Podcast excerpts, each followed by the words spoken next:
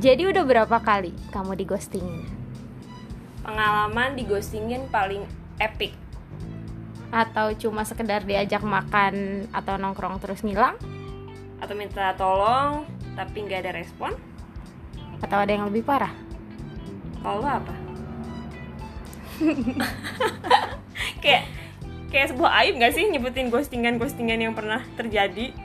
Enggak lah, paling cuman kayak ngajak jalan tapi tiga hari nggak ada terus tiba-tiba ada lagi apa sih gitu lu mau apa enggak Kayak nggak serius gak sih? Ya namanya juga ghosting ya, ghosting mah ya nggak serius. atau mungkin memang sibuk aja Ya itu positif thinkingnya ya kan. Iya.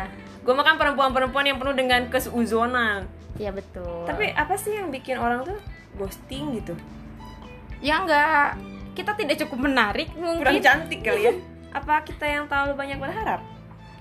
atau juga mungkin karena memang betul aja dia ada kesibukan yang lain Atau emang mungkin dianya kurang ajar kal- aja kali? ya memang bangsat mah bangsat aja ya nggak sih